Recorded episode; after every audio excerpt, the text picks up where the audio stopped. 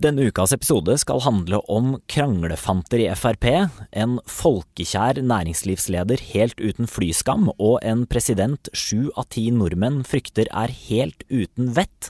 Jeg heter Ola Magnussen Rydje og er eh, fortsatt vikar for eh, Marie her i denne episoden av Siste med Marie Simonsen, uten Marie Simonsen. I think it's a disgrace.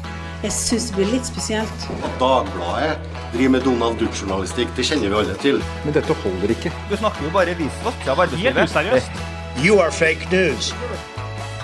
Go ahead. I Dagbladet denne uka kunne vi lese at sju av ti nordmenn mener president Donald Trump og USA er en trussel mot verdensfreden. Eh, kommentator Morten Strand, hvorfor tror du nordmenn eh, mener det? Nei, det er jo en stor uro eh, over eh, store deler av verden, eh, over Europa og over Norge, over en, eh, en president eh, som er eh, uortodoks.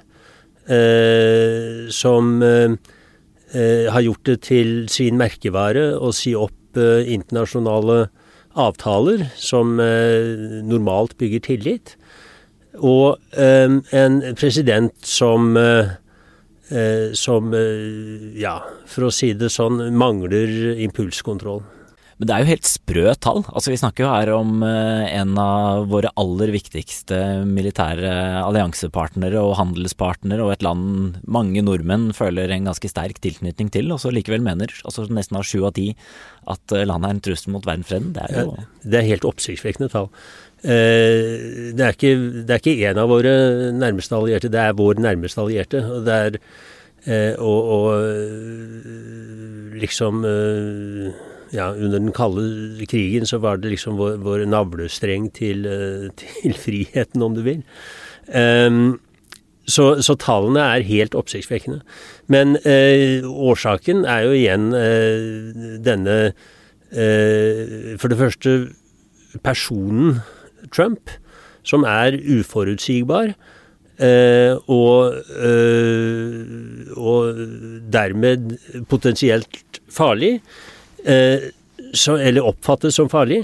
Og for det andre så, så har han da som program eh, å rive i stykker eh, avtaler, eh, som klimaavtalen i Paris, som eh, den ene atomavtalen etter den andre. Altså vi snakker om eh, Først så snakket han om, om, om Nord-Korea som den store trusselen. Etter at han har begynt toppmøtene med Kim Jong-un, så har de da til og med blitt forelska, sier han. Eh, de to. Eh, men så er det da atomavtalen med Iran, som han har revet i stykker. Og så er det INF-avtalen om kort- og mellomdistanseraketter mellom, eh, mellom Russland og USA, som han sier han ikke vil forlenge, og som går ut i oktober i år. Og så er det da den store avtalen som, som bygger på tillit og gjensidig inspeksjon. Eh, den nye startavtalen som går ut i eh, slutten av 2020, altså om halvannet år. Eh, der tyder også det aller meste på at den ikke blir forlenget. Eh, og da er vi, da er vi eh, i en mye mer usikker verden. Noe eh, nordmenn da ifølge denne meningsmålingen eh, helt eh, korrekt eh, har fått med seg. Men jeg tenker jo at det er sånn at eh, eh, nordmenn er, ser nå at eh, vår støttespiller for eh, mange av interessene vi føler i tilknytning til, eh, nå viker eller går en annen retning eller ikke lenger støtter oss. Eh, men ser, tror du man ser det på som sannsynlig at eh, han en dag trykker på den røde knappen? Eller for å stille et spørsmål på en annen måte, hvorfor er det eh, så farlig nå at vi kan se et eh, nytt atomvåpenkappløp? Ja, eh, han har jo vist, eh, før han ble president, så har han jo vist en helt oppsiktsvekkende mangel på forståelse for, for atomvåpens vesen. Han stilte jo i valgkampen i eh, 2016 spørsmål om Unnskyld. Om eh, hvorfor eh, man ikke kunne bruke atomvåpen. Altså, atomvåpnenes logikk er jo nettopp at de aldri skal kunne brukes. Mens Trump da stilte spørsmålet hvorfor lager vi dem da? Eh, og det er jo et spørsmål som, eh, som avslører en, en nokså grunn forståelse av atomvåpenes verden, eh, og som, og som folk da oppfatter som, som farlig. Ja, vi snakker jo da også om samme mann som da angivelig eh, beordret et angrep på Iran nylig, før han ombestemte seg mens flyene var i lufta. Ja, det var riktignok ikke da kjernefysisk, men, men, Ja, ja, ja. men det var et militært angrep. Ja, men like fullt. eh, Like fullt. Eh, og eh, ja, altså Det å forstå Trumps diplomati, det er jo ikke enkelt etter, etter normale faglige, eh, statsvitenskapelige, om du vil, kriterier.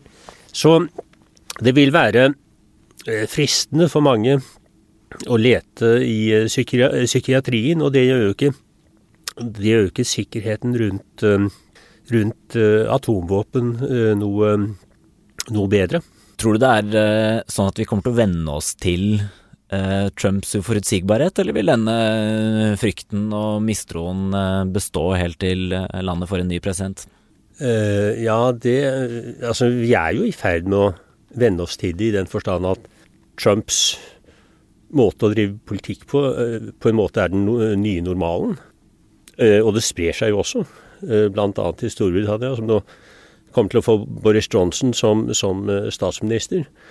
Så vi har Han har jo på en måte allerede bet- betydd et slags eh, taktomslag, om du vil, i i internasjonal politikk, hvor, hvor det ikke er samarbeid som teller, men, men motarbeid, om du vil.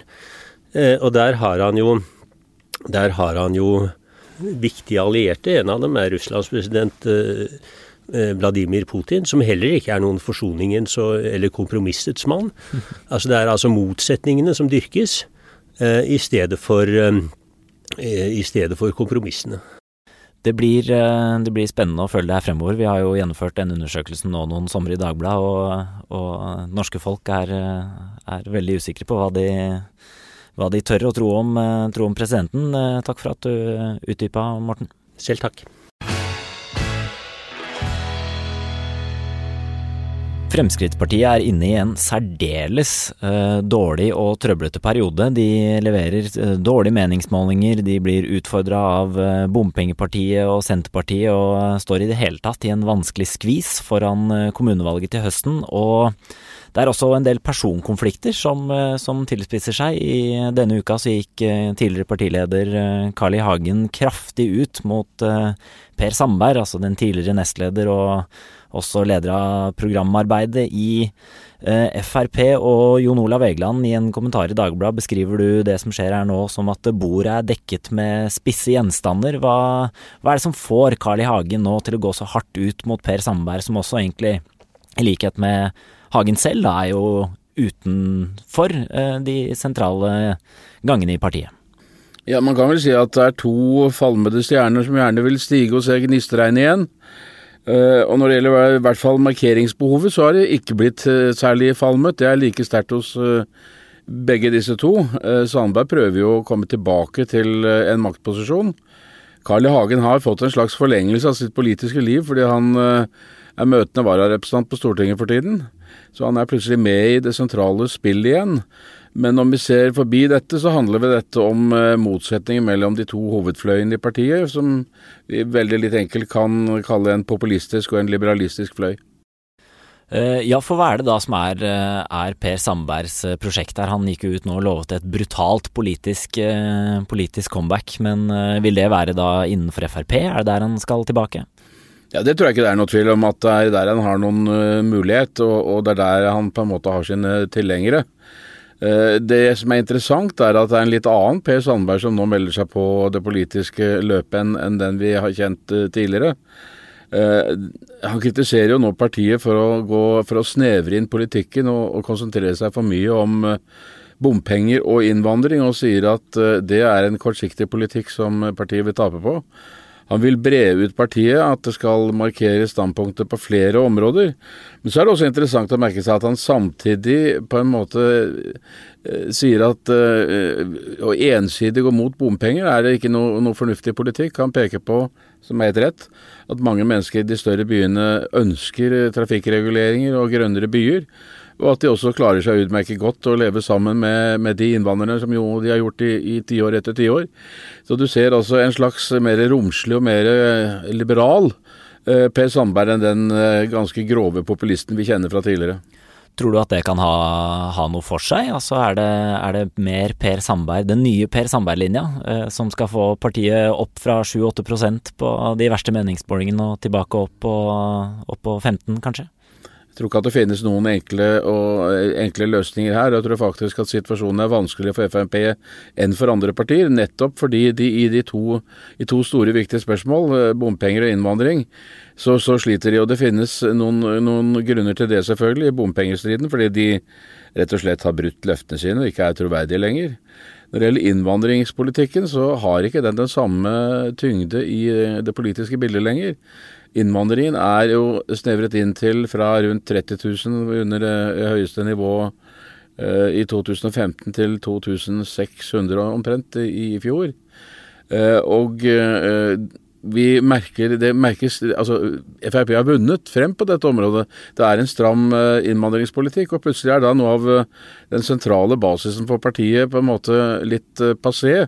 Eller den er i hvert fall for tiden ikke, ikke det viktigste saken.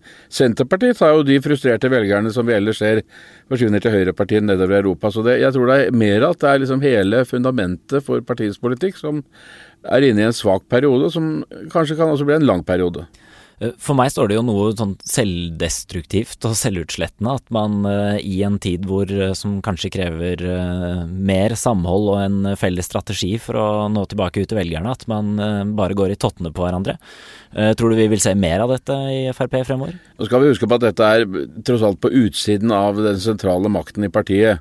Eh, makten forvaltes av eh, internt i partiet av eh, Siv Jensen som leder, og som kan vi si den mer pragmatiske, eh, liberalistiske fløyen, og av, eh, og av nestlederen. Sylvi Listhaug? Sylvi Listhaug som en representant for den andre. og disse to, mellom disse to er det jo ingen splittelse å spore. Tvert imot, så ut fra det vi vet, så er forholdet der fremdeles godt. Og så lenge den, eh, det holder, så tror jeg ikke det er noen større fare for at det blir et, et stort opprør. Men, men, det ulmer også ute blant mange ordførere og blant mange sentrale folk i, i distriktene. Og det er like mye pga. Senterpartiet som, som, som, mange andre spørsmål. At man ikke klarer å få trekket til seg de folkene som normalt ville komme til Frp. Det er vel også tenkelig at eh, bompengeopprøret er forbigående, og at det ikke er en eh, varig trussel mot Fremskrittspartiet? Ja, jeg tror absolutt det er, er, en mulighet. Jeg tror faktisk det er mest sannsynlig.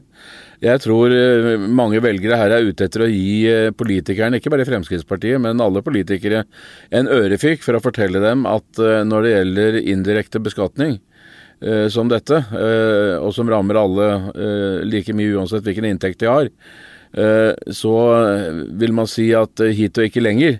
Eh, så at det skulle bli et varig tilstand i norsk politikk, har jeg vanskelig for å tro.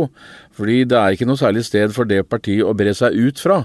Altså Der vil andre partier dekke opp det området. Der vil Fremskrittspartiet f.eks. ha en mye bredere politikk å, å, å, å rutte med. Så jeg tror at dette blir et et kort fenomen, men at det vil gå utover Fremskrittspartiet er ingen tvil om. Det ser vi jo i de store byene, hvor dette partiet jo mange steder er større enn Fremskrittspartiet.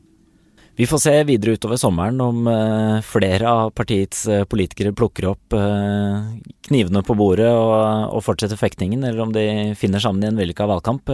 tusen takk for analysen, Jon. Etter 17 år som sjef for flyselskapet Norwegian eh, kom eh, Bjørn Kjos nå med nyheten om at han eh, gir seg og skal sende stafettpinnen videre, og kommentator og økonom Andreas Økland. Hvorfor er det en nyhet at en næringslivsleder går av? Dette har jo da vært store oppslag i alle landets aviser i denne uka. Nei, det er jo nesten som man spør seg om det selv, for nå har vi jo sett den siste tiden at Toppsjefen har gått av i Hydro, kommet ny sjef i DNB. Men så er det noe spesielt med Bjørn Kjos, da. Han er en sånn folkeskjær næringslivsleder. Han er ikke bare en kjendis som har bydd på seg selv, men også sånn en heltehistorie som folk har kunnet tro på, og som, som, gjør at folk tenker sånn at man har et helt spesielt forhold til Bjørn Kjos, da. Det er jo noe med den latteren og det smilet og sånn som gjør at folk eh, nesten kan tilgi ham for hva som helst. For det skal vi jo kanskje komme litt tilbake til, at det er jo nesten paradoks at eh, eh, mannen bak uh, Dreamliner-forsinkelsene og en god del annet uh, nå er en sånn folkekjær skikkelse som folk liksom utrolig opptatt av nå i dag, at gir seg som sjef i Norwegian. Ja, for han har jo nådd ut på en helt annen måte, måte enn alle andre, som du sier. Og utenfor en engere krets av Dagens Næringslivs lesere eller en, en debatt om lederskifte i, i Dagsnytt 18. Uh, men hva er, det, hva er det Bjørn Kjos har betydd for, for da, altså hvis man skal være litt pompøs, da, for det norske folk? Nå skal man jo alltid ta litt forbehold om hva som kunne skjedd hvis ikke, osv. Men Norwegian har jo vært en historie om et flymarked hvor flyreiser har blitt virkelig et allemannseie. Eh, hvor man har sett, sett at eh, på de tidspunktene hvor SAS har hatt monopol, mm. så har eh, flyreiser vært veldig dyrt.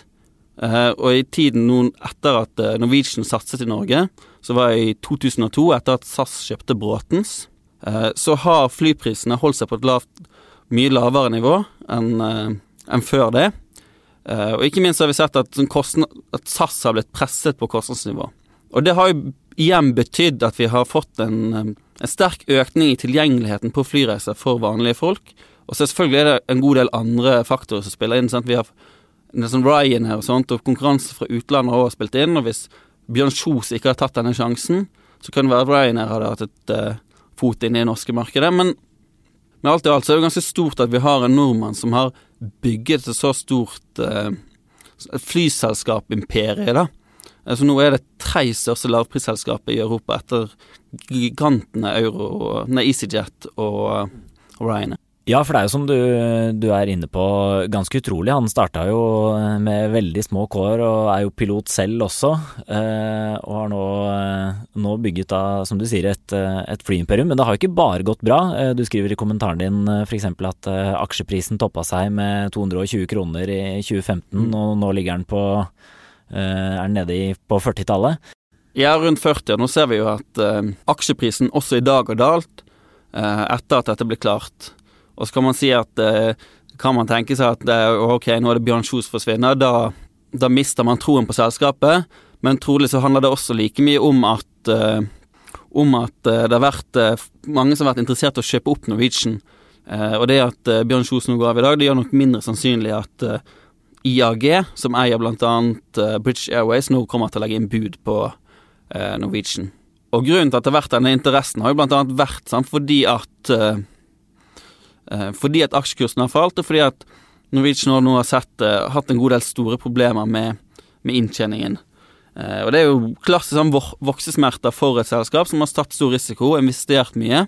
Ja, for er det, et, er det et kjennetegn med, med Bjørn Kjos som er annerledes enn andre næringslivsledere og gründere ved at han har en ekstrem risikovillighet? Har han her f.eks. med Dreamlinerne satsa for høyt og, og tapt?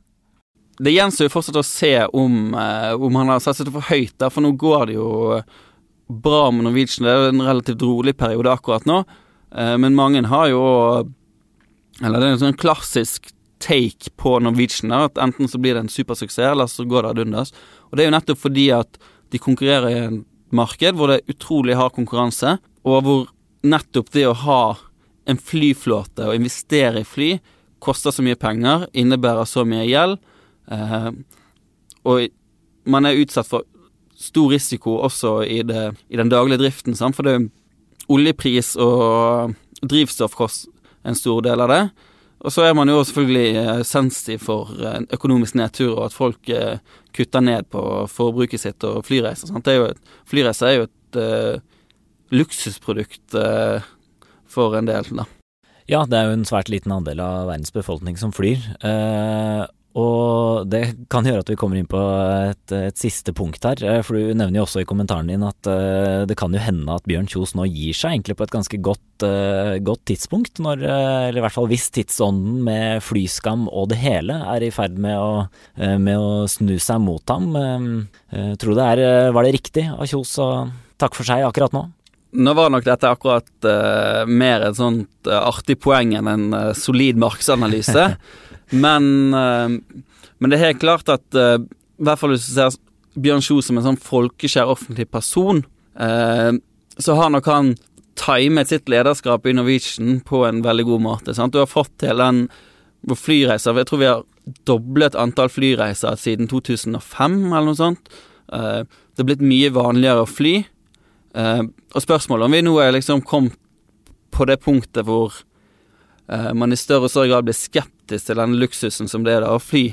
Og det spørs da om da Bjørn Kjos med sitt vinnende vesen og sitt sin, sin raushet og liksom sitt, den utstrålingen som veldig mange vanlige nordmenn nå er forelsket i, at det, det, liksom vil være nok da for å, for å glatte over for det store karbonavtrykket som en flyreise til Thailand eller New York eller Boston eller hvor det nå skal være. Nå flyr de òg til Argentina.